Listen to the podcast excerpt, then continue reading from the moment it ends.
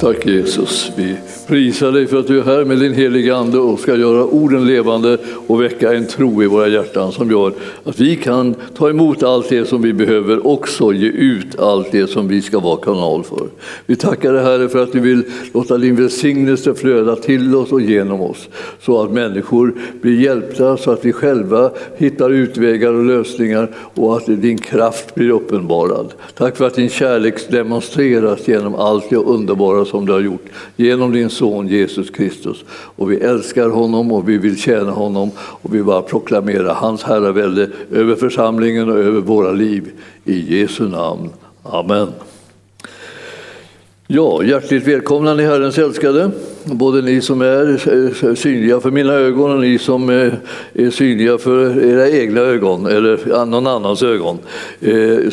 Som är så att säga här i mötet med oss och firar den här gudstjänsten. Nu är det ju så här att vi har precis eh, firat påsk.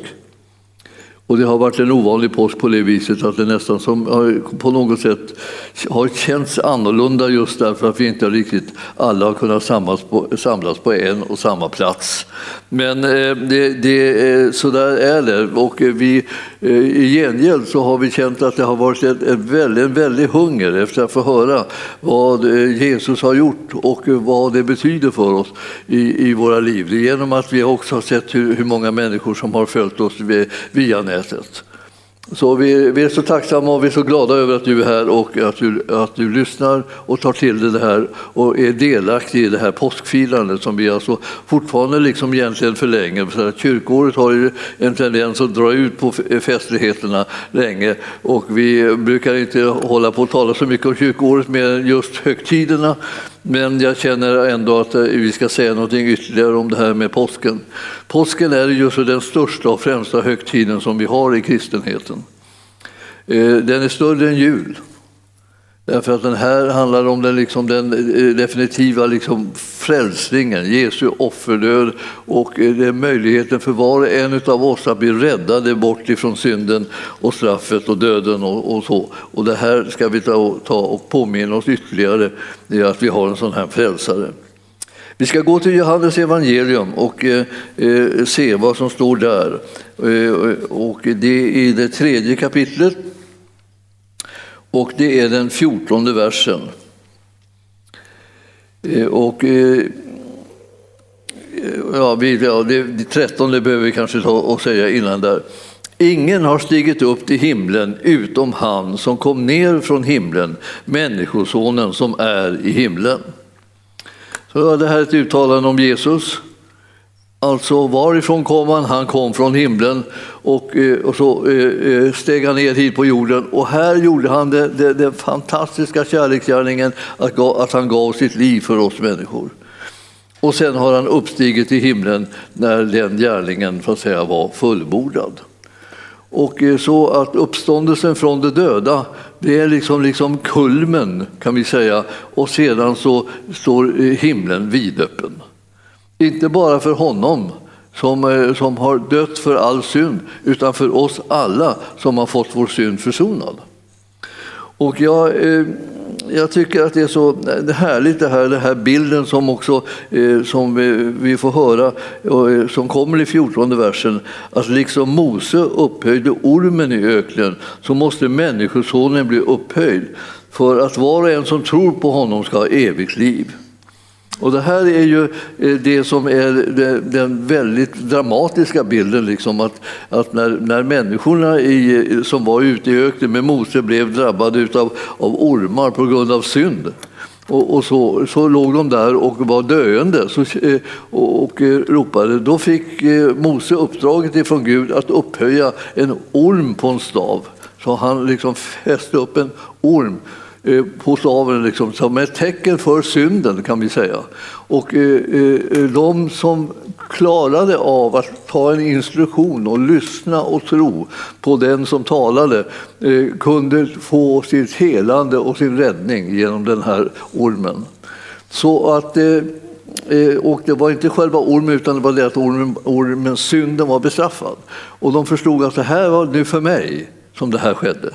Så han, han sa, eh, sa, till dem där de låg och vred sig i smärtor att lyft upp blicken och se på ormen så kommer ni att bli helade och helade och frälsta och befriade liksom kan vi säga. Det liksom är, alltsammans är liksom ofta ett, ett och samma ord som täcker allt det här som vi behöver. Vi behöver hjälp på livets alla områden och den fullkomliga frälsningen kommer genom Jesus Kristus. Hans död, alltså han som är den som bär synden och syndens straff för, i vårt ställe. Så därför så kan vi känna så här, vi, vi, vi är så obegripligt älskade av Gud. Han sände sin son som, som ville ge allt, som inte ville hålla någonting tillbaka, som inte höll på liksom och, och vägde oss hit och dit, utan han, han, han, bara gav allt han hade för att du och jag, eh, vem vi, eh, vem vi än är, alltså så att säga, vem vi än vi var och vad vi än hade gjort, skulle kunna bli försonade med Gud. Så det, ibland så får vi människor för oss att vi är något slags eh, undantag. Alltså vi, vi är värre än någon annan och vi, vi har ett värre ställt än någon annan och vi, vi har gjort värre saker än någon annan. Och, och, och liksom vi beskriver oss själva som liksom hopplösa fall. Och det finns inga sådana fall i Herrens ögon. Han kom och gav, gav, sitt liv för alla, för att alla ska kunna bli frälsta. Och vad var det enda som förväntades av dem? Att de skulle lyfta blicken från det som var liksom problemet, eller lidandet, eller nöden eller svårigheterna och se på honom som var, var lösningen. Och det här har, har vi ju ständigt brottats med så att säga, som mänsklighet. Man glider tillbaka, man blir liksom självcentrerad och upptagen med fruktan och, och oro för allt mellan himmel och jord. Medan Herren säger lyft blicken, se på den lösning som jag har berättat för er.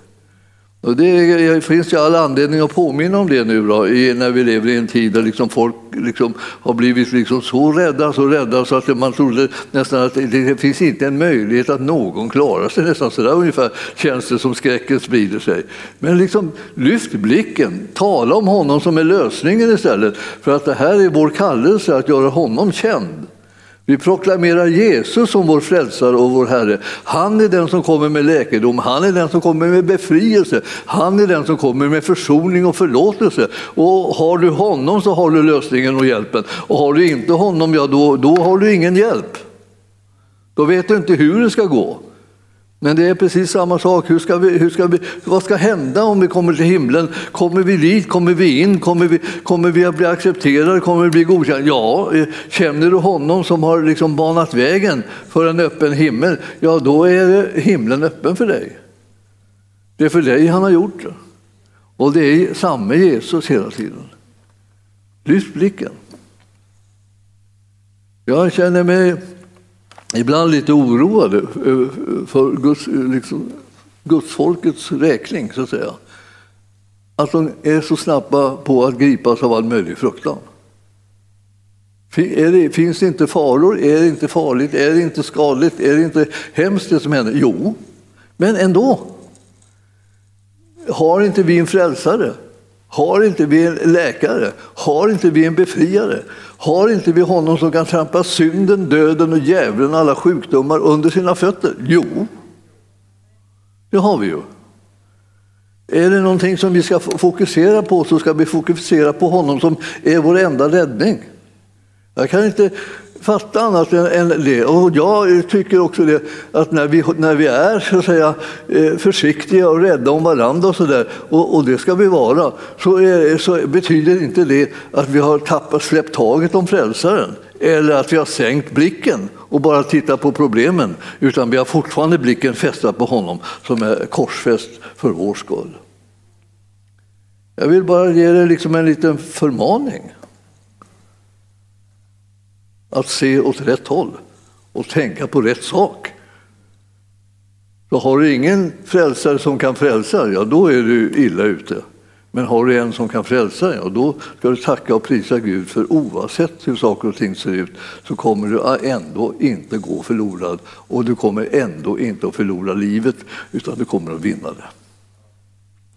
Jag, det, det, det, är konstigt liksom att vi, vi ska kunna tappa bort det här liksom i synfältet, men jag, jag, nu, nu påminner jag om det. Och den där bilden av hur synden med alla dess olika konsekvenser har blivit korsfäst liksom, i vårt ställe genom Jesus. Det, det är någonting som vi behöver minnas den bilden framför oss. Och vi, vi, vi har ju korset ständigt liksom för våra ögon. Vi ska ta och eh, gå till några andra bibelställen här. Vi ska ta och läsa första Petrusbrevets andra kapitel och eh, verserna 21 till 25. Och det där är, mm, det där är ett, eh, ett ställe som, som också har en, har en sån här påminnande effekt liksom för oss. Och det står från där, alltså andra kapitlet i första Petrusbrevet, vers 21. Detta har ni blivit kallade till. Eh, Kristus led ju i ert ställe och efterlämnade ett exempel åt er för att ni skulle följa hans fotspår. Han hade inte begått någon synd och, och svek fanns inte i hans mun. Och när han blev smedad så smedade han inte igen och när han led så hotade han inte utan överlämnade sin sak åt honom som dömer rättvist. Och våra synder bar han i sin kropp upp på korsets trä för att vi skulle dö bort från synderna och leva för rättfärdigheten. Och genom hans sår har ni blivit botade. Ni var som vilsegångna får, men nu har ni vänt om till era själars herde och vårdare. Det är liksom kännetecknande för vårt liv, liksom det kan man säga nästan som temat. Över vad, vad sysslar vi med? Jo, vi sysslar med det att vi har vänt oss bort ifrån allt elände till honom som är vår själs eh, herde och vårdare. Och vad skulle vi ha denna herde till om vi inte skulle följa honom, om vi inte skulle lyssna på honom, om vi inte skulle lita på honom, om vi inte skulle ta emot det som han har liksom gett till oss? Det står ju så, vi har ju våra favoritsalmer i 23 där vi säger att ja, eh, Herren är min herde, mig skall intet fattas. Eh, om vi, om vi bara stannade där så skulle vi kunna bli häpna efter en stund. Alltså, vi kanske känner texten så, så mycket så att vi liksom inte reagerar på den längre, men, men ingenting ska fattas oss eftersom Herren är vår helige. Han är ju vår helige. Det är det som vi sysslar med, vi som är kristna, har honom som vår helige. Ingenting ska fattas oss. Det är vår tro i det här. Och man kan säga, ja, var nu lite realistisk. Ja, det är det precis jag är. Det är det här som kallas för realism inom kristendom att Herren är vår herde och ingenting kan fattas oss. Det är det som är det realistiska. Ingenting, ingenting, ingenting alltså. Och tänker jag, ja men, ja men, du ser ju hur det är. Ja, jag ser hur det är, men ingenting ska fattas oss. För att Herren är vår herde. Om du liksom fokuserar på honom och minns honom och minns vad han har gjort och minns vad han har gett till dig så, så kommer liksom hela din situation se annorlunda ut. Och den kommer också kännas efter ett tag mycket annorlunda. För det är ju så det där, alltså Herren är helen, det, det, det, det, det förändrar hela situationen. Han är den som har kommit och klivit in i vårt ställe. Och jag vill säga till dig, han, han, han bestämde sig för att inte gå omkring hela tiden och kalla sig för Guds son. Utan han bestämde sig för att säga att jag är Människosonen. Och Människosonen är den som precis som behövdes. Istället för eh, bockar och kalvar och deras blod så skulle Människosonen komma, han som kunde representera människan helt och fullt, komma in utan synd och egen synd och ta på sig alla andra synd och på det viset försona människorna med Gud. Så att helande och hälsa, befrielse och upprättelse är det som ingår i deras arv. Och, det, och nu var Lars inne på det här med Hesekiel 34 och det, det, det, är någonting som ständigt kommer i mitt hjärta och mitt sinne. Eh, Hesekiel 34 4 det är så kraftfull föda därför att det var det som Herren sa till oss. Han kallade oss att uppfylla eh, det eh, som eh, han menade med det här, att han gav oss just ordet där, som Israels herdar fick som ett varningens ord, liksom en tillsägelse, därför att de inte hade brytt sig om att göra det som Herren hade kallat dem till. Och nu så kommer det här ordet igen genom Hesekiel kraftfullt och nu har det liksom trycks in, liksom in i våra liv också. Vi som tror på denna frälsare som har förvandlat hela saken, nämligen den som gjorde vad Herren ville. Alltså, när det står i 16 versen i 34 kapitlet i Hesekiel så här. De förlorade ska jag söka upp och de som har gått vilse ska jag föra tillbaka och de sårade ska jag förbinda och de svaga ska jag stärka. Så handlar det om hur han kommer som Herren har sänt. Alltså Guds representant så att säga, för mänskligheten kommer och gör det som behöver göras i människornas ställe. Och då söker han upp de som har eh, blivit förlorade och, och, de som har gått vilse för han tillbaka och de sårade förbinder han och de svaga, eh, ja, de stärker han. Och vi brukar ju säga liksom i sammanfattning av det här, eftersom det är liksom lite svårt för oss ibland, att, att tycka att det, det, vi riktigt förstår den där texten när det står men de feta och de starka ska jag förgöra och jag ska ta hand om dem med rättvisa. Så kan man säga kort och gott liksom att med kärlek och barmhärtighet ska jag gå fram och, alltså, och jag ska försona dem med Gud. Det är det som Herren gör med sitt liv. Han låter rättvisan drabba sig och vi blir försonade med Gud. Alltså det, här är så, det, det, här är så ljuvligt härligt och så befriande. Så att om, om vi ägnade oss åt lite grann åt vår frälsare och Herre och vad han har gjort så skulle vi kunna känna lättnad mitt i de mest knepiga tider och konstiga förhållanden och sammanhang som vi hamnar i när, när, det, när det är sjukdomar som rör sig över hela världen. Det är fortfarande så att det, det, som ska imponera på oss och har imponerat på oss och kommer att göra det i all framtid är Jesus. Det är han som frälser, det är han som räddar, det är han som helar, det är han som befriar, det är han som upprättar, det är han som försonar oss. Det är liksom, ingenting fattas i det som vi har hos Jesus. Och det är det vi behöver tänka på och det är det vi behöver tala om. Så Eh, aldrig någonsin har det varit ett så stort behov av att prata om vem Jesus är och vad han har gjort. Alltså, det, det är inte så ja men då tar vi inte då sjukdomar på allvar och så där säger då, för folk blir oroliga liksom att vi på något sätt missar sjukdomen. Det finns ingen möjlighet att missa den här sjukdomen.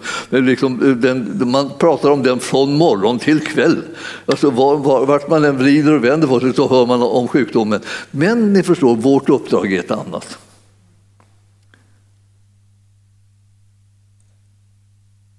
Jag säger det en gång till. Vårt uppdrag är ett annat. Vårt uppdrag är att göra Jesus känd. Alltså, det får finnas massor med olika saker i den här världen. Onda och goda och virriga och, och snurriga och komplicerade och enkla och allt vad du vill. Alltså, det finns massor av grejer som pågår i den här världen. Vårt uppdrag är Jesus. Och om vi får ut det uppdraget så kommer människorna få tröst, få hjälp, få styrka, få trygghet. Liksom. de kommer att känna att de inte är övergivna, de kommer att känna att de inte är bortglömda. De kommer att känna att det inte är hopplöst och förtvivlat och utan någon räddning. Utan de kommer att känna att frälsaren är här. Om vi talar om Jesus. Alltså vi är hans sändebud. Det finns inget viktigare för någon människa att eh, eh, göra än, att lära känna honom. Och jag, jag, när, jag, när jag tänker så här, ja, de svaga stärkte det inte och de sjuka botade det inte och de sårade förband det inte och, och de som blivit vilse förde inte tillbaka och de förlorade sökte det inte upp utan med hårdhet och grymhet härskade ni över dem, står i den där versen 4 då, som kritiken för de herdar som var på den där tiden. Och nu säger jag, ja, säger Herren, ja, då får jag göra det själv. Och tack och lov att han gjorde det. Det räddade dig och mig och alla andra också som får höra om det. Och vi är språkrören för att människor ska få höra om det, att vi har en sån frälsare. Och han är alla människors frälsare. Och vad de behöver göra är tro på honom, ta emot honom i sina hjärtan och bekänna honom som sin Herre och sin Gud. Du är Messias, den levande Gudens son. Det, det, är liksom klarhetens stund när Petrus ropar ut det. Han förstår vem han har att göra med. Han förstår vem det här är. Och, och han, han, han säger kanske till och med mer än han riktigt fattar, men han säger det som är rätt och sant. Och det är det du och jag också behöver säga, att det är det du är. Du är Messias, den levande Gudens son, för mig. Och jag tror på dig och jag håller mig till dig och jag litar på din gärning för mig. Du är den enda som har, som har uppstått ifrån de döda därför att du har fullbordat själva försoningsgärningen. Synden är förlåten. Sjukdomarna är besegrade. Och de onda andemakterna är, är trampade i, i backen och djävulen är omintetgjord. Och vi kan stå honom emot och vi kan strida och vi kan vinna seger. Det är sånt här som du och jag behöver känna till om Jesus Kristus när vi lever i en värld som är full av fruktan och förvirring. Så eh, eh, är ytterligare något bibelställe ska jag ta och läsa för er bara för att de är ju jättemånga de här bibelställena som finns som handlar om, om, om Jesus och vad han har gjort. Och jag, jag, känner mig så ibland så tacksam när jag håller på att läsa upp. Tack gode Gud att de är så många. Alltså det är bara, de, bara, de bara smattrar in alla de här bibelställena som talar om vad, vad har då Människosonen gjort? Ja, alltså Människosonen han har blivit upphöjd och när han blir upphöjd så står det att det är det som är själva lösningen här. Alltså genom att han blir upphöjd så kommer han att kunna dra alla till sig. Det är det som är liksom hans, hans beskrivning av det här. Ja, ja, ja, Människosonen måste bli upphöjd för att han ska kunna dra alla till sig. Vad ska de till honom att göra? De ska bli frälsta, de ska bli helade, de ska bli befriade, de ska bli förvandlade, de ska bli upprättade, de ska bli styrkta, de ska bli lösta från all fruktan. Därför att vi är kallade att leva ett liv utan fruktan i den här världen. Mitt i alltihopa, alltså mitt i hela soppan om vi säger så, då, så kommer du och jag att gå fram där utan fruktan därför att vi har en sån frälsare som vi har. Jesus har blivit upphöjd. Han har blivit korsfäst till försoning för vår synd. Jesus har blivit upphöjd till himlarnas himmel, liksom, till höjdernas höjd. Och där sitter han nu eh, på, på, på högra sidan om tronen och eh, han manar gott för oss. Och Det är det som du och jag behöver känna till och det är det som du och jag kommer att kunna luta oss på. Då känner vi oss plötsligt starka och vissa och säkra och vi känner att liksom, här finns räddningen. Det var inte vi som behövde ta i så att vi sprack, utan det var han som gjorde allt som behövdes för att vi skulle kunna vara övertygade och vissa om att vi har en frälsare som har vunnit en fullkomlig seger. Så det där var liksom en, en liten påminnelse, men jag ska tänkte, ska vi ta och titta i Johannes 10 och, och, läsa där. Jag har tänkt lite grann på det här.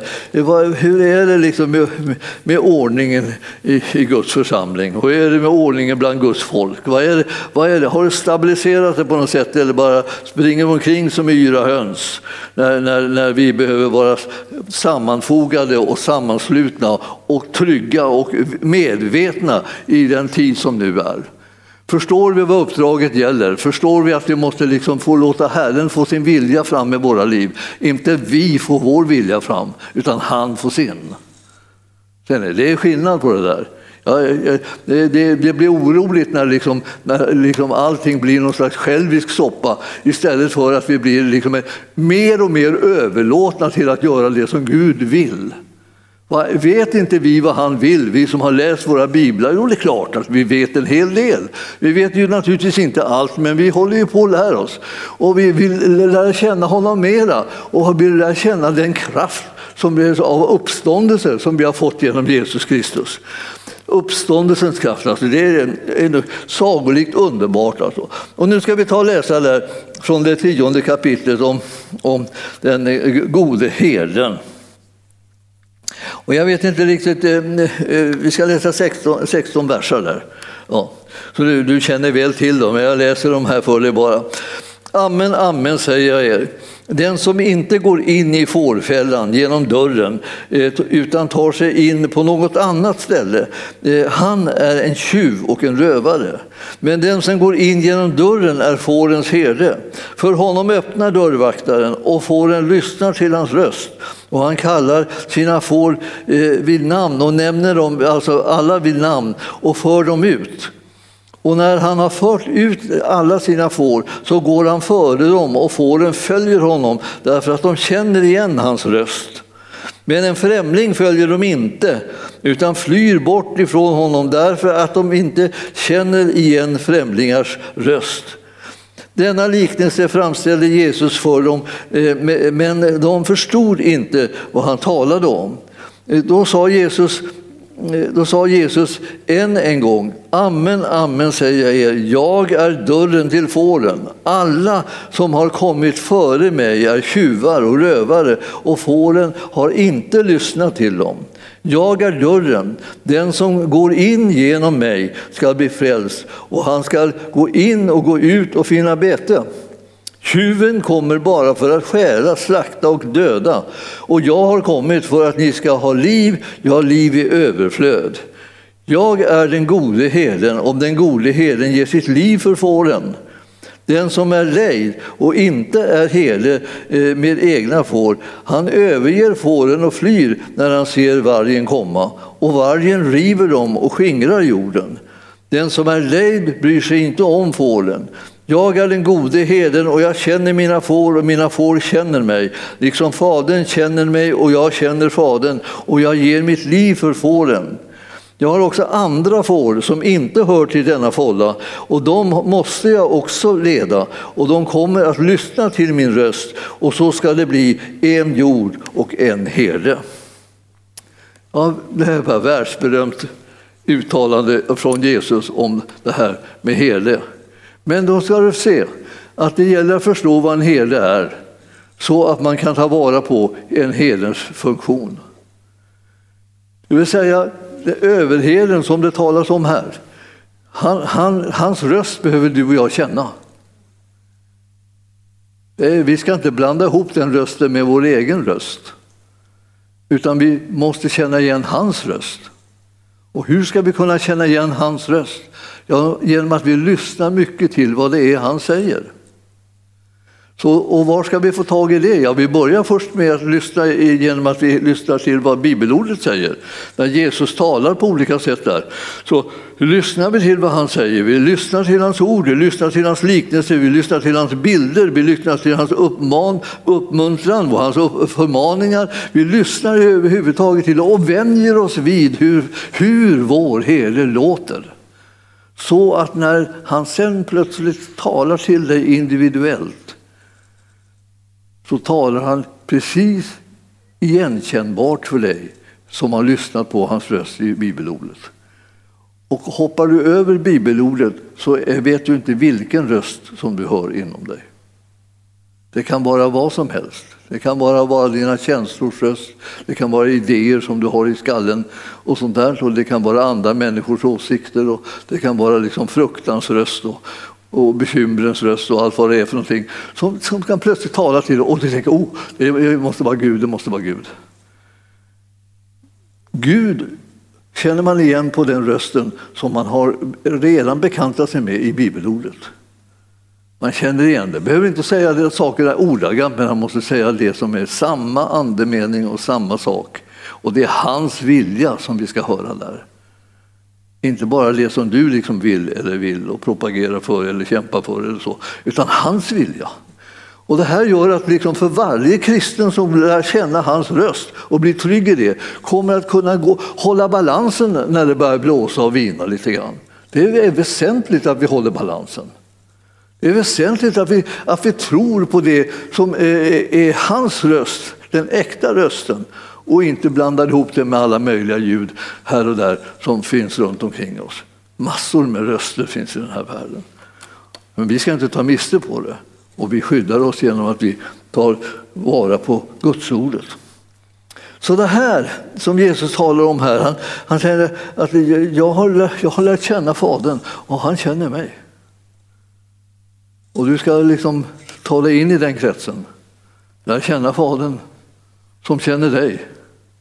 Och du ska känna Sonen som är din Helige och som är din frälsare och din Herre och din läkare. Du ska känna honom så att du eh, kan ta emot det som han vill göra för dig och hur han vill rusta dig och hur han vill använda dig och sända dig och bruka dig så att säga för att förhärliga sitt namn i den här världen.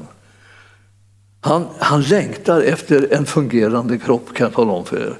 Är det någonting som jag har förstått genom åren så är det. Han längtar efter en fungerande kropp. Vi är kallade att vara hans kropp, vi som tror på honom. Och han vill att vi ska undra över vad vill han använda mig till i kroppen? Hur vill han koppla ihop mig i kroppen?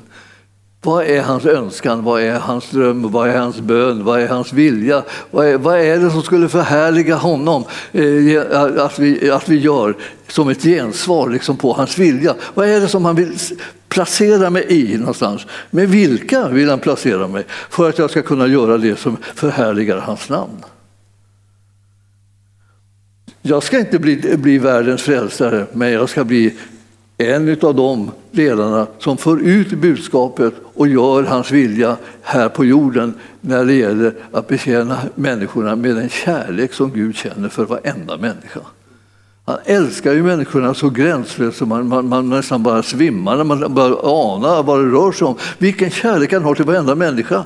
Alltså man, det är ingen idé. Vi kan, vi kan lägga undan alla våra vågar och grejer som där vi ska se om människorna är värda kärlek eller om de väger något tungt eller så. Utan, utan det här med att, liksom att, att väga lätt så här, det, det, det, det, det finns liksom inte inne i Herrens liksom måttstock. Han, han håller inte på och mäter oss på det sättet. Han vet att han har fått ett uppdrag att älska människorna så starkt och så högt så att han har gett sitt eget liv för dem och inte hållit något tillbaka. Och därför så är det liksom inte frågan om att du behöver gå omkring och tänka på är jag värdig? Det är du inte. Du, du är älskad.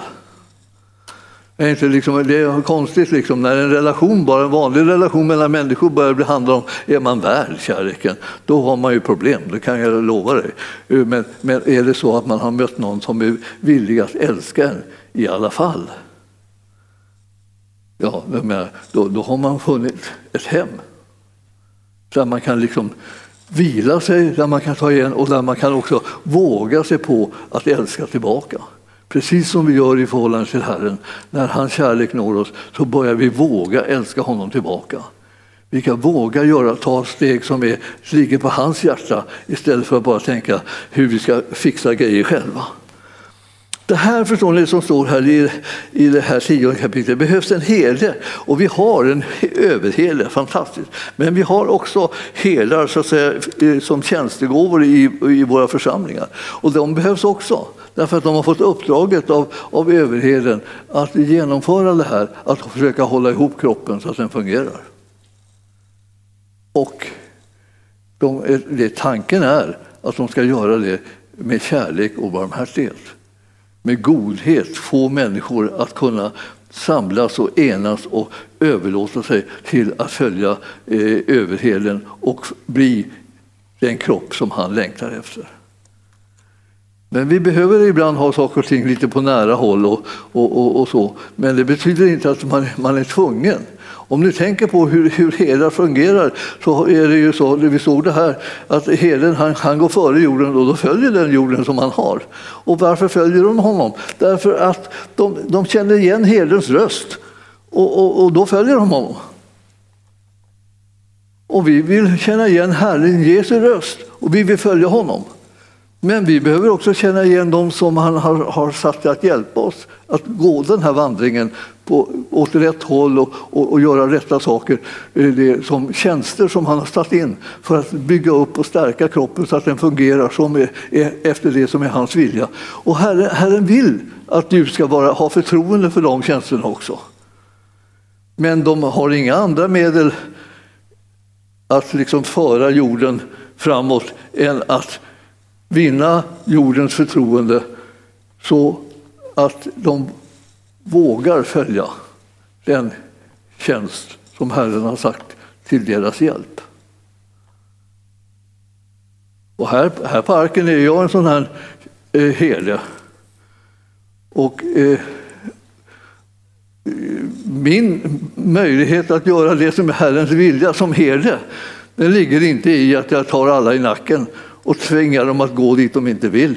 Utan den ligger i det att de har förtroende för vad jag säger när vi måste göra olika saker, ta olika steg tillsammans och fungera ihop. Om de har förtroende för det kan jag hjälpa dem med den tjänst som jag har fått. I annat fall eh, kan jag inte göra någonting åt det. Så jag kan stå här och tänka att eh, om du har förtroende för mig och jag har förtroende för dig så kan vi rent av göra Herrens vilja. Har vi inte förtroende för varandra så spricker kroppen som, som faller bara isär till en katastrof. Och Jesus kallar på folk för att de ska komma. Och det står om honom så här att när han blev upphöjd, alltså när han la ner sitt liv egentligen för, för människorna och blev upphöjd på korset, då först kunde han församla dem, dra dem samman. Alltså.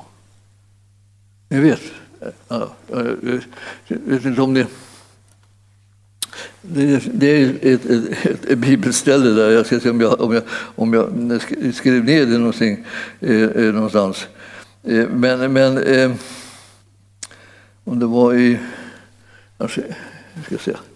Jag tittar lite, lite hastigt här på, på något, något om, om det här med att, att dö i någon ställe. Eh, och det, det, står i Johannes 11 och eh, 52. Eh, Där står det, han skulle inte bara dö för folket utan också för att samla och förena Guds kringridda barn. Det är liksom hans uppdrag kan vi säga. Om inte sonen blir upphöjd kan han inte dra dem samman. Om inte, om inte sonen lägger ner sitt liv för människorna så kan han inte församla dem så att de blir en fungerande kropp för honom. Och vi har det här uppdraget att tillsammans hitta det här. Hur, hur kommer vi samman så att vi blir så starka och så överlåtna och så kärleksfulla och goda så att någon vågar ha förtroende för oss. Någon kan tänka, ja, jag, jag törs, jag törs, jag törs. Ni vet, varje gång som det handlar om kärlek så blir man liksom lite, lite, lite svag i knäna. Inte bara på grund av att det är underbart, utan på grund av att det är äventyrligt. Tänk om det, min kärlek inte är besvarad. Tänk om min kärlek inte är besvarad. Va? Och så går jag och kläcker ur mig att jag älskar och så finns det ingen som vill ta emot den. Det, det, det, det är en sån här smärta som man inte vill, vill helst vara med om. Men det är kanske inte någon av oss som helt undgår det. För det sånt händer. Att man missbedömer situationen och att man inte får något gensvar. Men nu är det någon som har vågat älska först. Då har man plötsligt väldig trygghet. Jesus, han älskar oss först genom att ge sitt liv för oss. Han höll ingenting tillbaka och nu väntar han på att det ska få resultat, att alla ska vilja dras och komma till honom.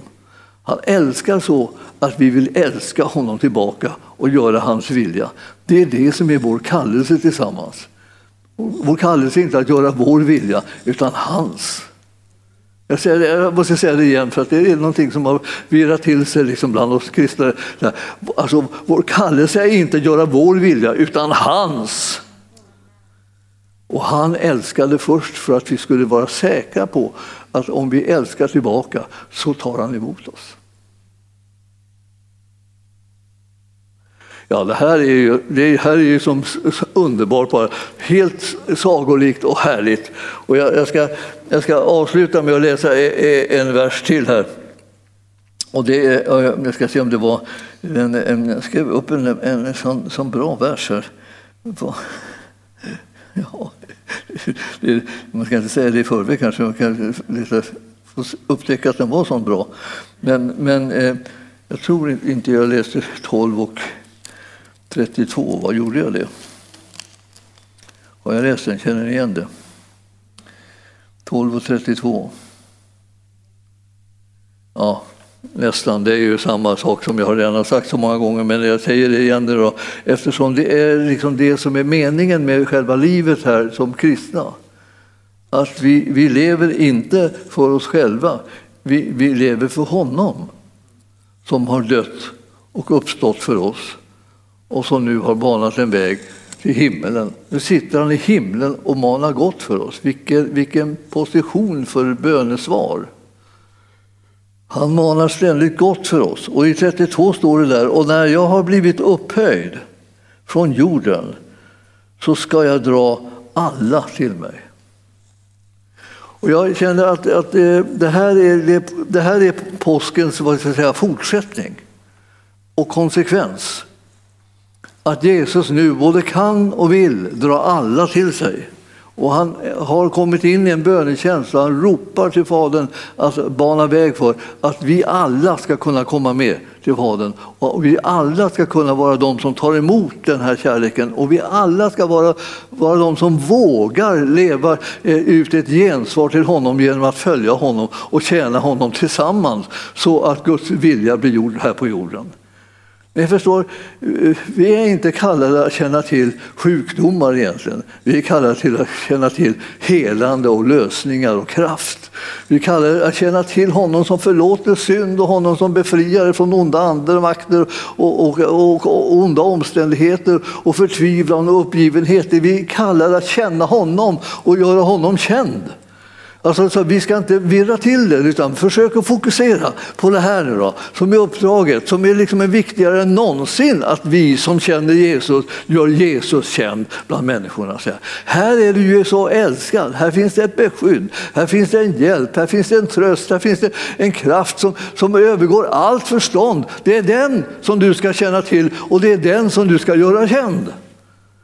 Låt inte liksom dig distraheras till att du ska fokusera på elände, sjukdomar, undergång, och svårigheter och arbetslöshet och, och brister av alla de slag. Det är inte det du ska fokusera på, han som är lösningen.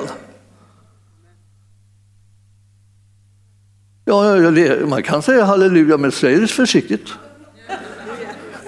Det kan, man, man liksom hamnar så här, sitter och säger halleluja till vad som helst. Liksom. Men det var inte vad som helst.